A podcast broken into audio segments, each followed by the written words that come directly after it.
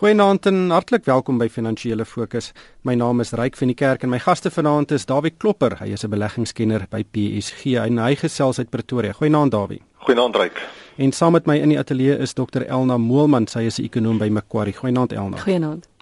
Elna, ek wil begin by die opmerkings wat Pravin Gordhan, ons minister van Finansies, hierdie week by die na die kabinetsvergadering gemaak het. En hy het gesê daar is baie kommer oor die ekonomie maar hy het benadruk dat Suid-Afrika is nog nie in 'n resessie nie en hy het sê verskeie wêreldliggame soos die Wêreldbank verwag groei oor die volgende 3 jaar van nog so 1.5% per jaar en hy het gesê daar is baie winde wat teen Suid-Afrika waai goed waaroor ons geen beheer het nie soos die droogte en baie lae kommoditeitspryse. En hy het gesê die dinamika van hoe Suid-Afrika by die wêreldekonomie inpas is geweldig ingewikkeld. En uh hoe het jy sy uh sy opmerkings ervaar? Want ek het 'n mate van 'n positiewe houding by hom bespeer. Ja, so ek dink wat hy gesê het is waar ons groei vooruitgang is wel so 'n bietjie laer, so ek dink ons sal gelukkig wees as ons by 1% groei uitkom en ek dink groei gaan baie laag wees en die moontlikheid van 'n resessie is nie uitgesluit nie. Ek dink egter hy het wel 'n ander paar goed gesê wat baie belangrik was. Die een is volgehoue ondersteuning vir die nasionale ontwikkelingsplan. So hopelik sien ons dan nou hierdie jaar 'n bietjie beter bemarking van die regering se kant af om vir ons te sê presies hoeveel vooruitgang daar is, wat hulle werklik besig is om te implementeer en te doen. En ek dink wat amper nog meer belangrik was vir alles wat nou dink aan Desember se drama, is dit die fiskale volgehoue konsolidasie wat ons daar sien. En hy het twee belangrike goed gesê. Hy het gesê een, ons gaan meer geld gee vir hoër onderwys, maar dit gaan binne die spanderingsplafon gebeur En twee het gesê daar sal meer maatstawwe wees in die begroting om te wys dat ons vinniger op 'n goeie en volhoubare fiskale pad gaan kom.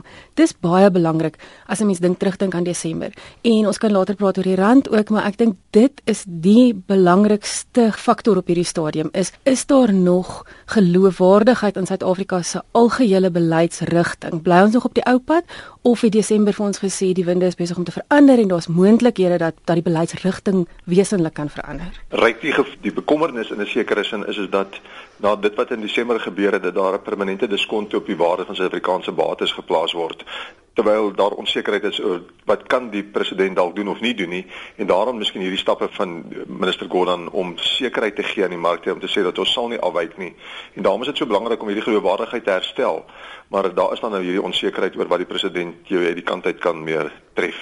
Maar David Gordhan het ook gesê dat uh, die verswakking van die rand kan nie net voor die deur van uh, Jacob Zuma gelê word nie. Daar's ander faktore wat ook uh, 'n negatiewe impak het. En in 'n mate is dit tog waar. Een persoon kan nie so 'n wesenlike impak hê in so kort tydperk nie. Ek dink dit is korrek. Die rand sou in elk geval swakker gewees het as wat hy miskien 6 maande terug was. Um, as gevolg van dit wat oral in die wêreld aan die gebeur is, die China faktor, die kommoditeitspryse wat so laag is, dit sou ook 'n uh, impak op die rand gehad het, maar die rand sou dalk nie so swak gewees het as nie was vir die afdanking van minister Nene in Desember nie. So dit moet mense dan ook vir mekaar sê, die, ons verstaan dat die rand is swak, ons verstaan dat die omstandighede in die wêreld van so 'n aard is dat dit op die oomblik op komende markte se geld een en onder druk plaas.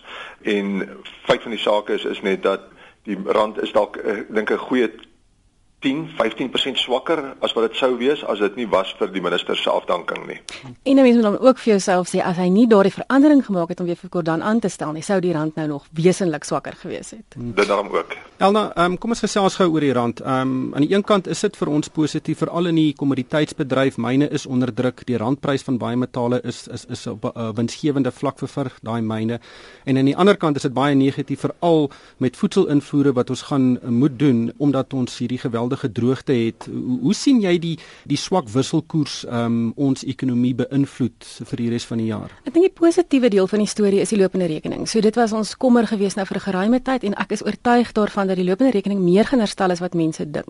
So ja, jy het druk op sekere invoere. Jy het byvoorbeeld die addisionele landbouprodukte wat jy sal moet invoer, graan ensovoorts wat deels 'n refleksie is van swakker rand en dan natuurlik die droogte impak, maar jy moet jouself sê Suid-Afrikaners gaan nie oor see vakansie hou nie. Jy gaan meer toeriste uh, kry wat invloei en jy gaan doodnoodig minder invoere sien. Jy het nou reeds gesien dat daar druk is op motorverkope en jy kan aanvaar daar gaan net al hoe minder sulke invoere wees teen hierdie tipe randvlakke. So dit is die een positiewe deel van die storie.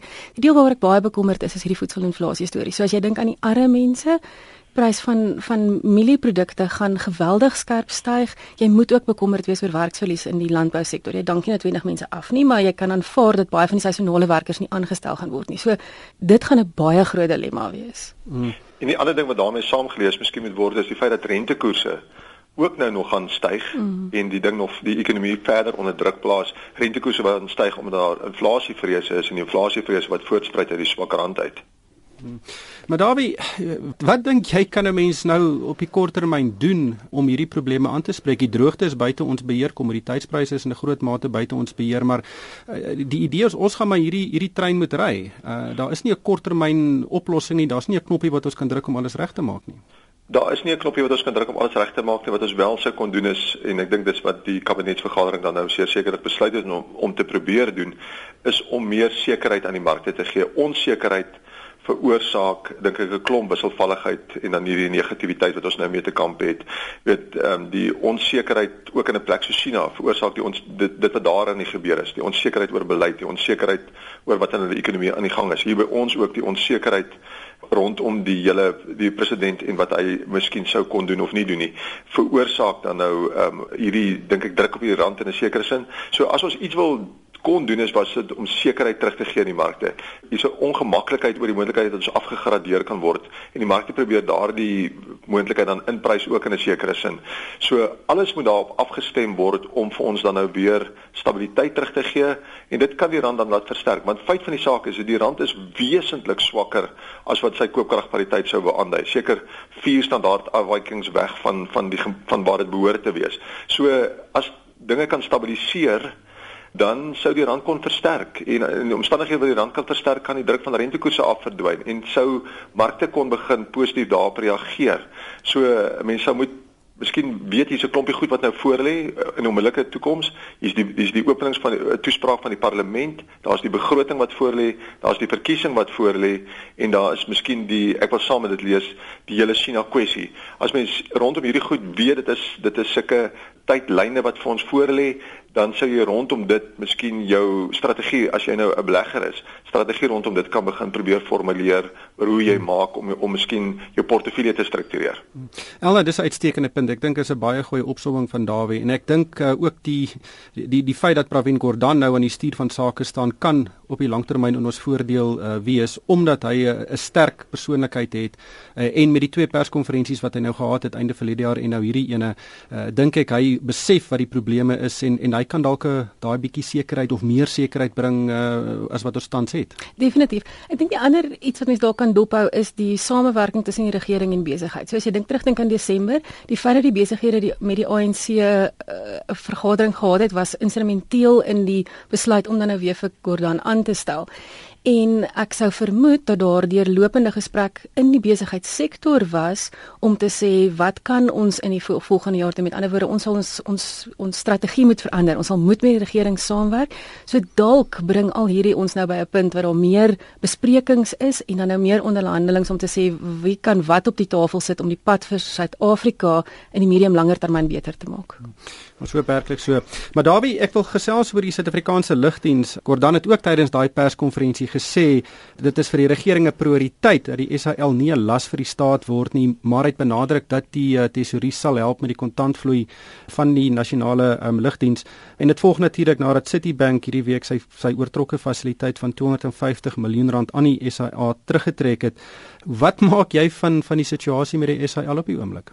Weereens gelukkig het ons het die regering daarom nou nog vir hulle wel tyd gegee om om hulle sake verder um, in in orde te bring. Die feit van die saak is dat die minister sien dan ook raak dat hierdie staatsondernemings nie kan voortgaan om net te kom staat maak op die staat om hulle te ondersteun om hulle besigheid op 'n winsgewende basis te bedryf nie. Hy het dan ook vir hulle sekerlik baie duidelik gesê jy het nou bitter min tyd oor om wel die besigheid om te draai. Vir die oomblik gaan die SAA daarom sekerlik nou nie ondergaan nie omdat die staat sal instaan vir die kontant wat hulle benodig op hierdie stadium met die korttermyn. Maar daarna dink ek gaan dan nou ook wesentlike fokus op hierdie onderneming en op alle ander staatsondernemings wees om hulle sake op 'n winsgewende basis te begin bedryf want dit is tog voor die hand liggend dat dit die staat nie aanhou net kan uh, instaan vir hulle skuld nie. Juist die staat is juis onder druk dan dat hy te veel skuld het en gaan moet aangaan om die ekonomie aan die gang te hou en dit is hierdie kredietgradering wat vir ons in die gesig staar. Alles dit saamgelees, dink ek, is hierdie hierdie groter bewustheid dat dinge nou op die regte manier moet geskied en dat ons nie kan toelaat dat dinge net so bly gly nie. Hm.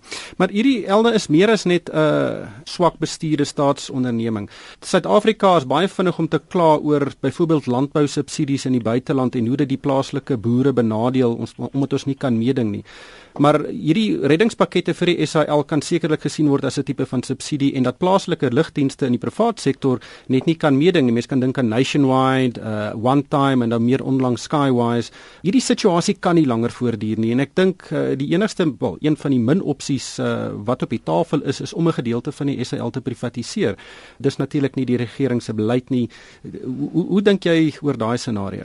dink die regering het al so 'n jaar, dalk 'n jaar en 'n half terug begin met al hierdie staatsinstellings om te sê wat is hulle doelwitte en dan moet jy onderskeid maak tussen die kommersiële doelwitte en die ontwikkelingsdoelwitte. Met ander woorde, as jy SAL het, watter deel daarvan is suiwer kommersiële besigheid en watter deel daarvan wil jy graag hê omdat jy handel tussen ons en van die ander Afrika lande byvoorbeeld wil bevorder, so dalk het jy daardie roetes nodig, nie noodwendig vir altyd nie, maar ten minste vir 'n gegeewe tydperk. En so die proses wat die regering aan die gang gesit het is om vir al die staatsinstellings daardie onderskeid te tref, dan kan jy 'n prys aan elkeen van hierdie koppel en dan kan jy sinvolle besluite begin neem. Dan kan jy sê, ek is bereid om vir Eskom geld te gee want ek wil graag nog meer mense gratis krag gee of ek sal vir SAL geld gee spesifiek vir daardie handelsgedeelte ontwikkelingsdoelwitte wat ons het ensovoorts. En en uh, ons verstaan op hierdie stadium is dat daardie proses hierdie jaar afgehandel gaan word. So ek dink dit sal belangrik wees om dit op te hou en te sien of hulle dan nou daarop aflewer en of dit gebeur. Mens moet daarom nou sê Eskom is daarom baie beter 'n uh, jaar gelede was was Eskom waar SAL nou is. So dis al beter ons is natuurlik positief oor oor die poskantoor of op Ek dink jy Brian Molefe kan skuif SAL toe. Uh terwyl ons praat oor buitelandse uh, uh, beleid, um, Barack Obama het weer eens toegetree tot hierdie AGOA debat is natuurlik die die Amerikaanse wet wat uh, handel tussen Amerika en en, en Afrika aanmoedig um, en hy het vir ons 'n finale spertyd van 15 Maart gegee om nou te voldoen aan die uh, vereistes wat Amerika stel vir Suid-Afrika se voortgesette deelname. Vir my is dit net verbasend dat die die die departement van handel en nywerheid nie groter ywerigheid aan die dag lê nie. Weet ons het die eerste spertyd gemis met 'n paar dae, um, wat ek dink onaanvaarbaar is. Maar gelukkig is daar nog net 'n paar klein goed wat uh, in die pad staan vir ons om daai ooreenkomste te teken. Ja, so ek dink ons sal wel daarby uitkom. Ek hoop ons sal hierdie sperdatum haal. Ehm um, ek dink hy het maar dood eenvoudig probeer om almal tevrede te hou. So mense dink dan nou veral in die hoenderboere wat onder geweldige druk is. So so hy het nou maar seker maar probeer om hulle almal gelukkig te hou en mense kan natuurlik debatteer oor waar die regering en die ANC staan in terme van internasionale politiek en die weste vir alles mense dink aan verlede jaar se konferensiedokumente. Maar as daai wet is vir ons kritiek. Suid-Afrika ja. is die grootste uh, land in Afrika wat voordeel ja. trek ja. uit daai of ons trek die meeste voordeel uit daai wet uit uh, en ons hele motorbedryf is uh, heeltemal gebou bo op daai wet. Um, dit is baie kritiek dat ons deel bly daarvan. Ehm um, daar wie net laastens die markte op die oomblik lyk soos 'n pizza in 'n tuimeldroër. Kan jy vir ons 'n bietjie uh, vertel uh, wat jou idee is van wat daar aangaan? Ja, die markte is onder geweldige druk wêreldwyd, nie net in Suid-Afrika nie, uh, ook in Suid-Afrika so. Dit volg uit dit wat in China gebeur het, die onsekerhede in China, die regulatoriese omgewing daar wat onseker is, die onsekerheid oor hoe die mate van 'n afswaai in hulle ekonomie wat aan die gang is. Dit het 'n negatiewe impak op Amerikaanse beurs, op Europese beurs en Europa is dan natuurlik die klomp onsekerheid rondom die die immigrante wat soontoe of die migrante wat soontoe stroom. Dit alles veroorsaak 'n klomp onsekerheid. Markvlakke is ook nie so goedkoop noodwendig nie. Dis miskien reg geprys, maar dis nie dat dit goedkoop is nie. So die dalings wat nou besig is om plaas te vind, is besig om die markte goedkoper te maak. Daar's ook dan nou herposisionering in die markte wat plaasvind, sikliese of um, skuwe wat plaasvind tussen die verskillende sektore, sek sektorale aanpassings wat plaasvind.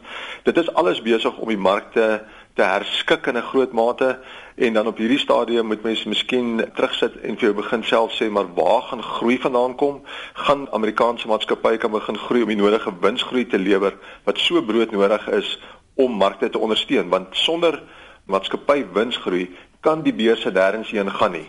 En as ons nie daaroor kan sekerheid kry dat dit kan kom nie, dan gaan markte onder druk bly. Ek dink ons moet nie toelaat dat die Chinese onsekerheid ons uh, laat miskyk dit wat tog positief is in Amerika en daardie ekonomie wat tog aan die groei is en tog sterker staan nie. Dit is die een ding en dan is daar natuurlik tog onsekerheid in Amerika. Dit volg uit die lae oliepryse uit dat dit kan omsit in baie lae inflasie of selfs deflasie en dit daardie onsekerheid is ook besig om 'n rol te speel in die markte want dan vra word daar gevra as hierdie inflasiekoerse nie aan die gang kom nie, as die ekonomie tog 'n bietjie begin verlangsaam ook daar, wat se skiet goed het die beleidsmakers hoor. Daarby eh, ek het hierdie week iewers gelees dat deels van wat ons nou sien is die gevolge van van die Amerikaanse kwantitatiewe verreiningsprogram wat tot 'n einde gekom het. Daar was baie groot afwagting vir wanneer die Amerikaners nou hierdie program sou stop. Uh, en toe daar nie veel gebeur nie, maar dis omtrent nou uh met amper 'n jaar later uh en um, dink jy daar is nog 'n gevolge van daai groot likwiditeit wat dit in die mark ingestoot het wat dalk nou begin terugvloei na Amerika toe? Dit kan sekerlik eh, 'n groot deel daarvan wees. Die ding wat ek nogals probeer dophou daar wat wat vir my probeer wat ek laat my wil laat toelaat om my rigting te gee oor wat daar nie gebeur is. Is die FSA se 10 jaar staatseffekte koerse. Daardie koerse sou mens verwag het moes begin styg het as die mark in die algemeen tevrede was dat daardie ekonomie op sy eie bene kan staan en dat die ekonomie begin sterk heel behoorlik sterk uh, funksioneer. Dan sien ons dat daardie koerse onder die 2.1% is. Dit is baie laer as die 2.4% wat dit was toe hulle die rentekoerse verhoog het. Dis laer as die miskien 2.8% wat mense sou wou gehad het op hierdie stadium al moes miskien geheers het uh, in die pad na normaliteit toe. So die hierdie proses na normaliteit toe in die FSA sukkel om behoorlik aan die gang te kom. So dis ook 'n ding wat ek dink um, in die agtergrond markdeelnemers 'n bietjie onseker maak.